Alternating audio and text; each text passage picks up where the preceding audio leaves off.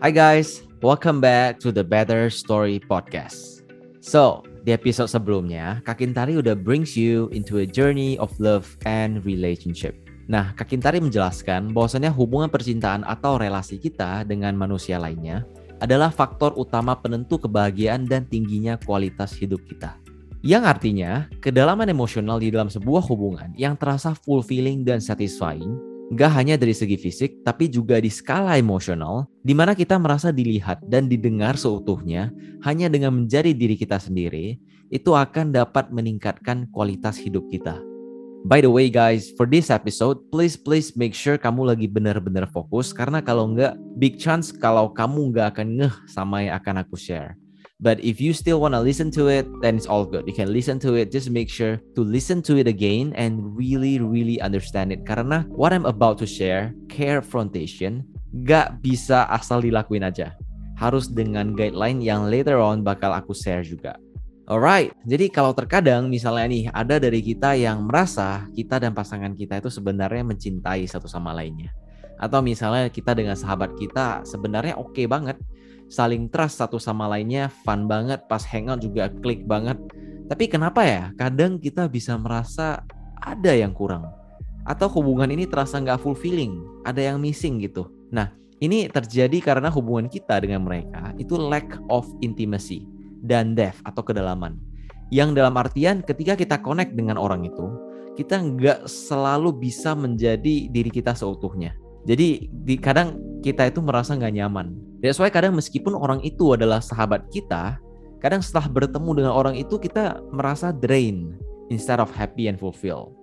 Nah, I'm not gonna explain too much about this karena explanation Kak Kintari udah bagus banget. So if you wanna listen more about this, please go to our podcast and check the episode yang judulnya Love and Relationship. I love that episode so much and I'm sure it will help you too. But poin aku di episode ini adalah I wanna share to you sebuah metode yang aku dan istri aku pakai. Whenever we realize ada sesuatu yang kami sadari, either yang aku lakukan atau yang istri aku lakukan, yang kalau kami gak nyampein to each other, ini bisa menjadi sesuatu yang berpotensi untuk menimbulkan konflik ke depannya. Dalam artian kita tuh bisa bertengkar atau ribut.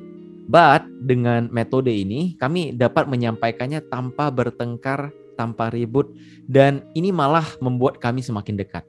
Alright, so my wife and I kita adalah orang yang lumayan genuine and open minded. Kita selalu encourage each other to be ourselves truly and genuinely and stay authentic.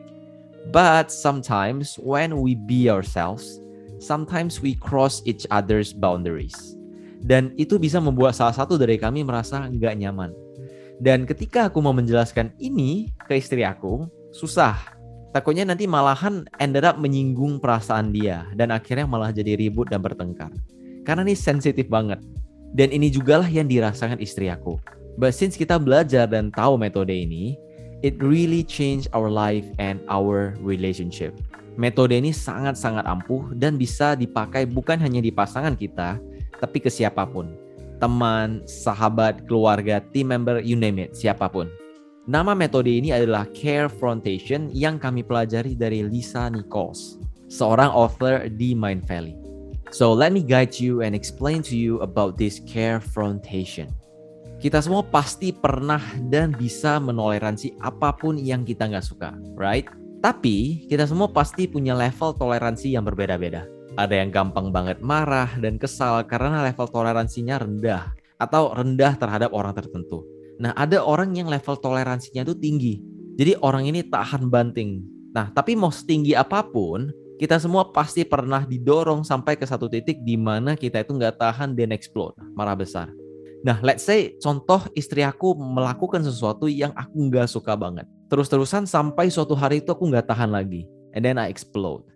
Nah, kalau dulu aku pasti langsung konfront istri aku dan langsung marah. Eh, babe, lu gak boleh gitu dong kalau lu gini kan nanti jadi gini dan akhirnya jadi begini. Tolonglah please lah jangan kayak gitu lagi. Nah, coba bayangin. Orang yang lagi happy-happy, lagi net atau lagi netral deh. Tiba-tiba didatangi dan diomeli kayak gitu. Dimarahi. Menurut kalian reaksi orang itu gimana? Kesal dong. Dan mungkin bisa marah balik. Dan itulah saat di mana dimulainya perang dunia ketiga.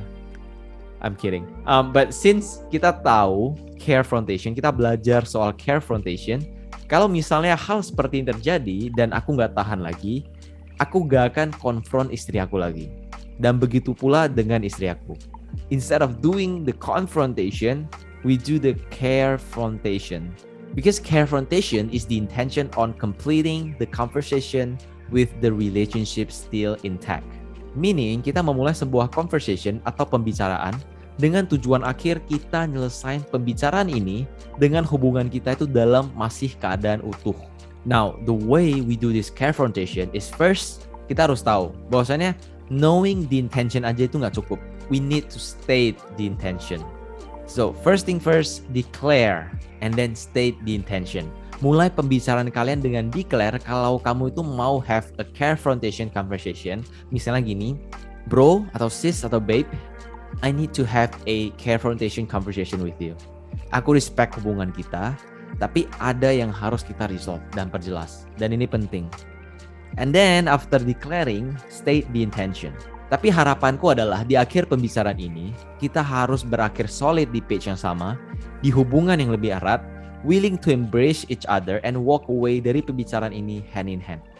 Now, after listening to this, you might say, Bril, seriously? Yes, I am serious about this, guys. Karena carefrontation, by the way, is having a difficult conversation that no one wants to have.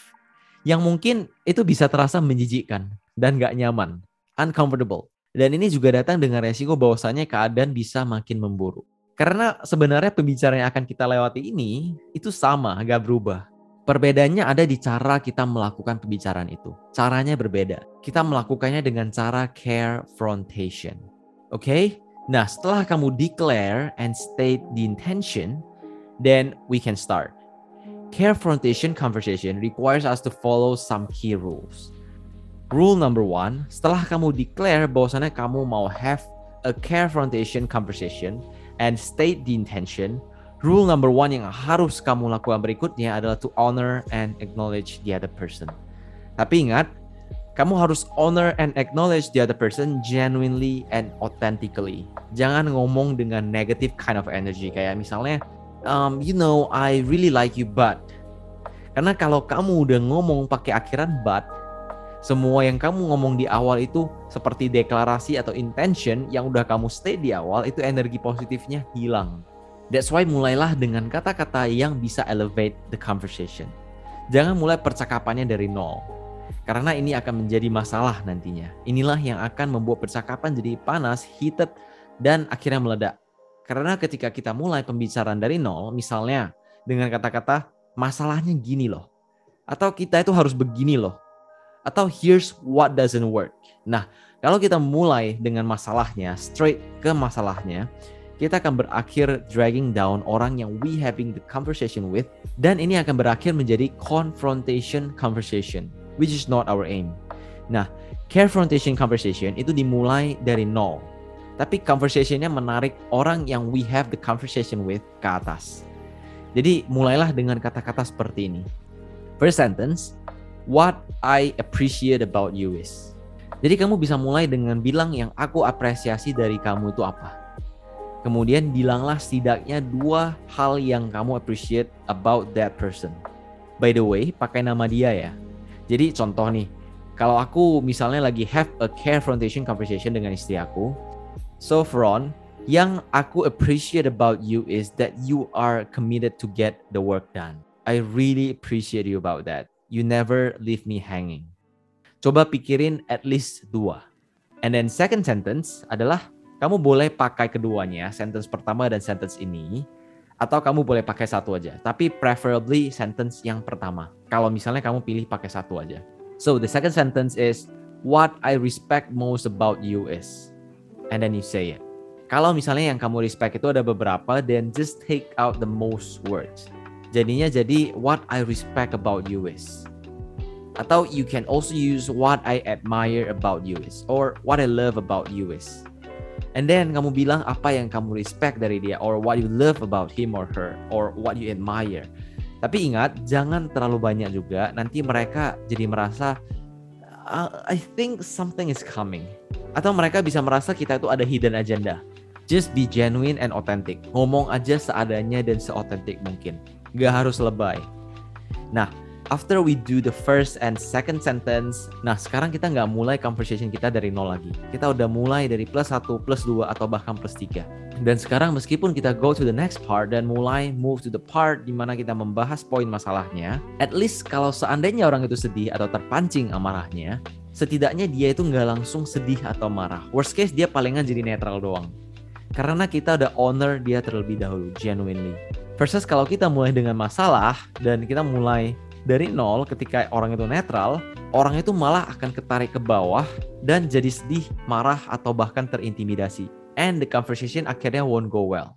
Now, kita masuk ke second part, second rule. The first rule is where you try to make things better. Tarik ke atas dulu, say what you love, appreciate, and admire about them. Nah, yang kedua adalah part di mana you make a genuine request. Tapi this is where it become crucial. Confrontation conversation is very very intentional on not making it wrong. Karena ketika di tahap ini kita tuh pasti udah pengen banget ngomong masalahnya. Kita tuh udah tempted banget untuk ngomong what doesn't work for me or it really hurts me when you. Dan seketika setelah kamu ngomongin kata-kata yang barusan itu, the defenses come up. Orang itu pasti akan langsung ganti ke defense mode. Now I know we are society that's been trained to win. Kita harus juara satu atau at least juara tiga besar biar orang tua bangga. But that's not how it should be, guys. Karena we don't always have to win to win. Does that make sense? And that's when making a genuine request comes in. Jadi setelah kita udah bawa mereka ke plus 2 atau bahkan plus 3, after we honor and acknowledge the other person, now we make a genuine request to them. Dan mulailah dengan sentence ini. I need your support in. Nah, kalau kita perhatiin, ada dua kata di dalam kalimat itu. Dua kata yang sudah Lisa Nikos strategically planted. Need and support. Mungkin bagi beberapa orang bisa jadi susah untuk mengeluarkan kata-kata need and support. Karena ego akan berpotensi untuk muncul di sini. Dan besar kemungkinan kita akan berpikir, eh ini kan bukan salahku, kenapa aku harus ngomong need atau butuh? And aku juga definitely nggak butuh support dia. Toh ini bukan salahku kok. Memang dia yang harus berubah. Tapi teman-teman kalian harus tahu how powerful these two words are. Need and support. Mereka punya kekuatan untuk meruntuhkan semua defensiveness yang akan muncul dan yang berpotensi untuk muncul. Bayangkan apa yang kamu bisa achieve kalau seandainya kamu bisa meruntuhkan semua defensiveness yang ada sebelum kamu mulai membicarakan sesuatu. And guys, that's 100% achievable. Dengan kalimat I need your support in.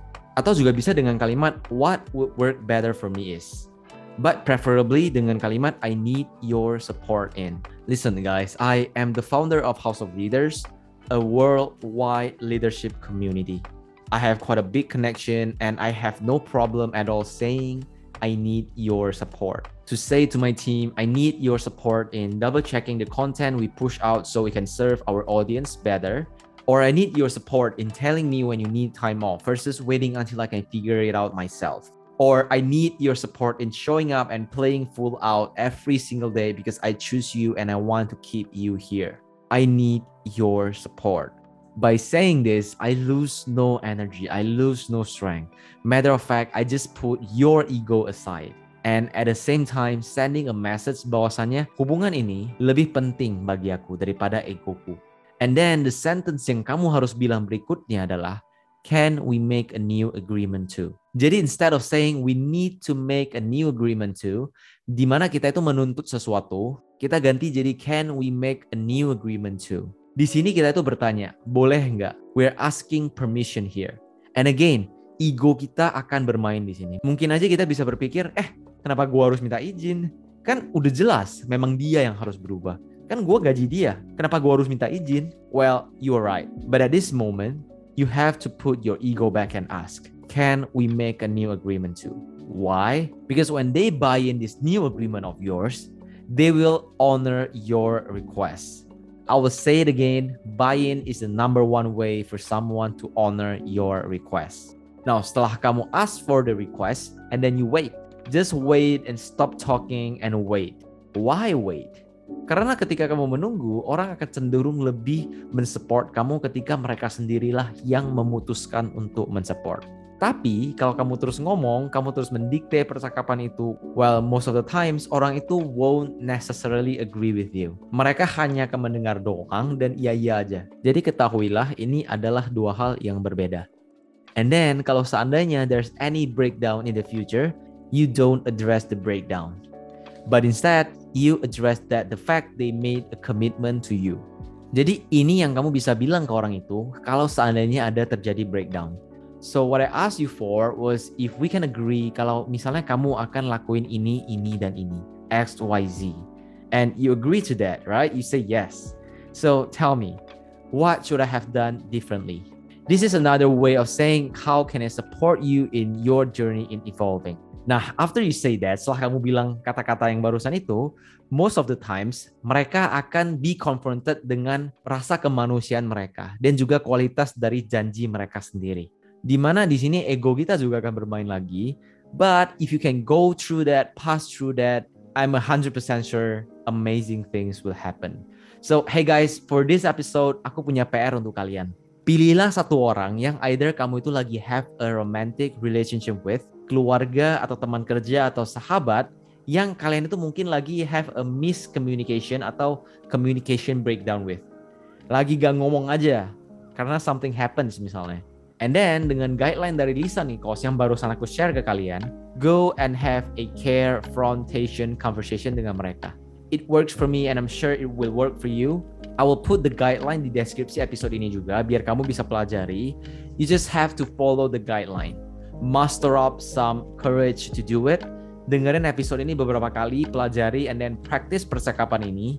Kalau aku jujur mulai dengan pegang notes di HP, which is not recommended, but really, guys, practice and then go have that beautiful conversation. Set your intention ahead, go in with humility, go in not to win. There's nothing to win, but focus on getting the relationship back. Get closer. And then I want you to sit down and journal, journal, journal. What happened? What came up? What did you feel? What did they say? How do they surprise you with all of their response setelah kamu melakukan care frontation conversation dengan mereka? How did you surprise yourself? And then you journal it. Journal everything, guys. I'm sure, I'm 100% sure this will be a beautiful and amazing experience for you. Oh, and guys, if you happen to share your experience on Instagram, please don't forget to tag us on Instagram at brilliant.liu at Kintaridita and at betterstory.id so we can listen and share your experience with everyone in the community. And again, aku juga udah put semua guidelines di deskripsi episode ini. Go check it out and do it. I love you guys. Go and have that amazing and beautiful conversation with your loved ones. Go and reconnect with them. I'm sure amazing things will happen. I will see you in the next episode, guys. Stay tuned and take care.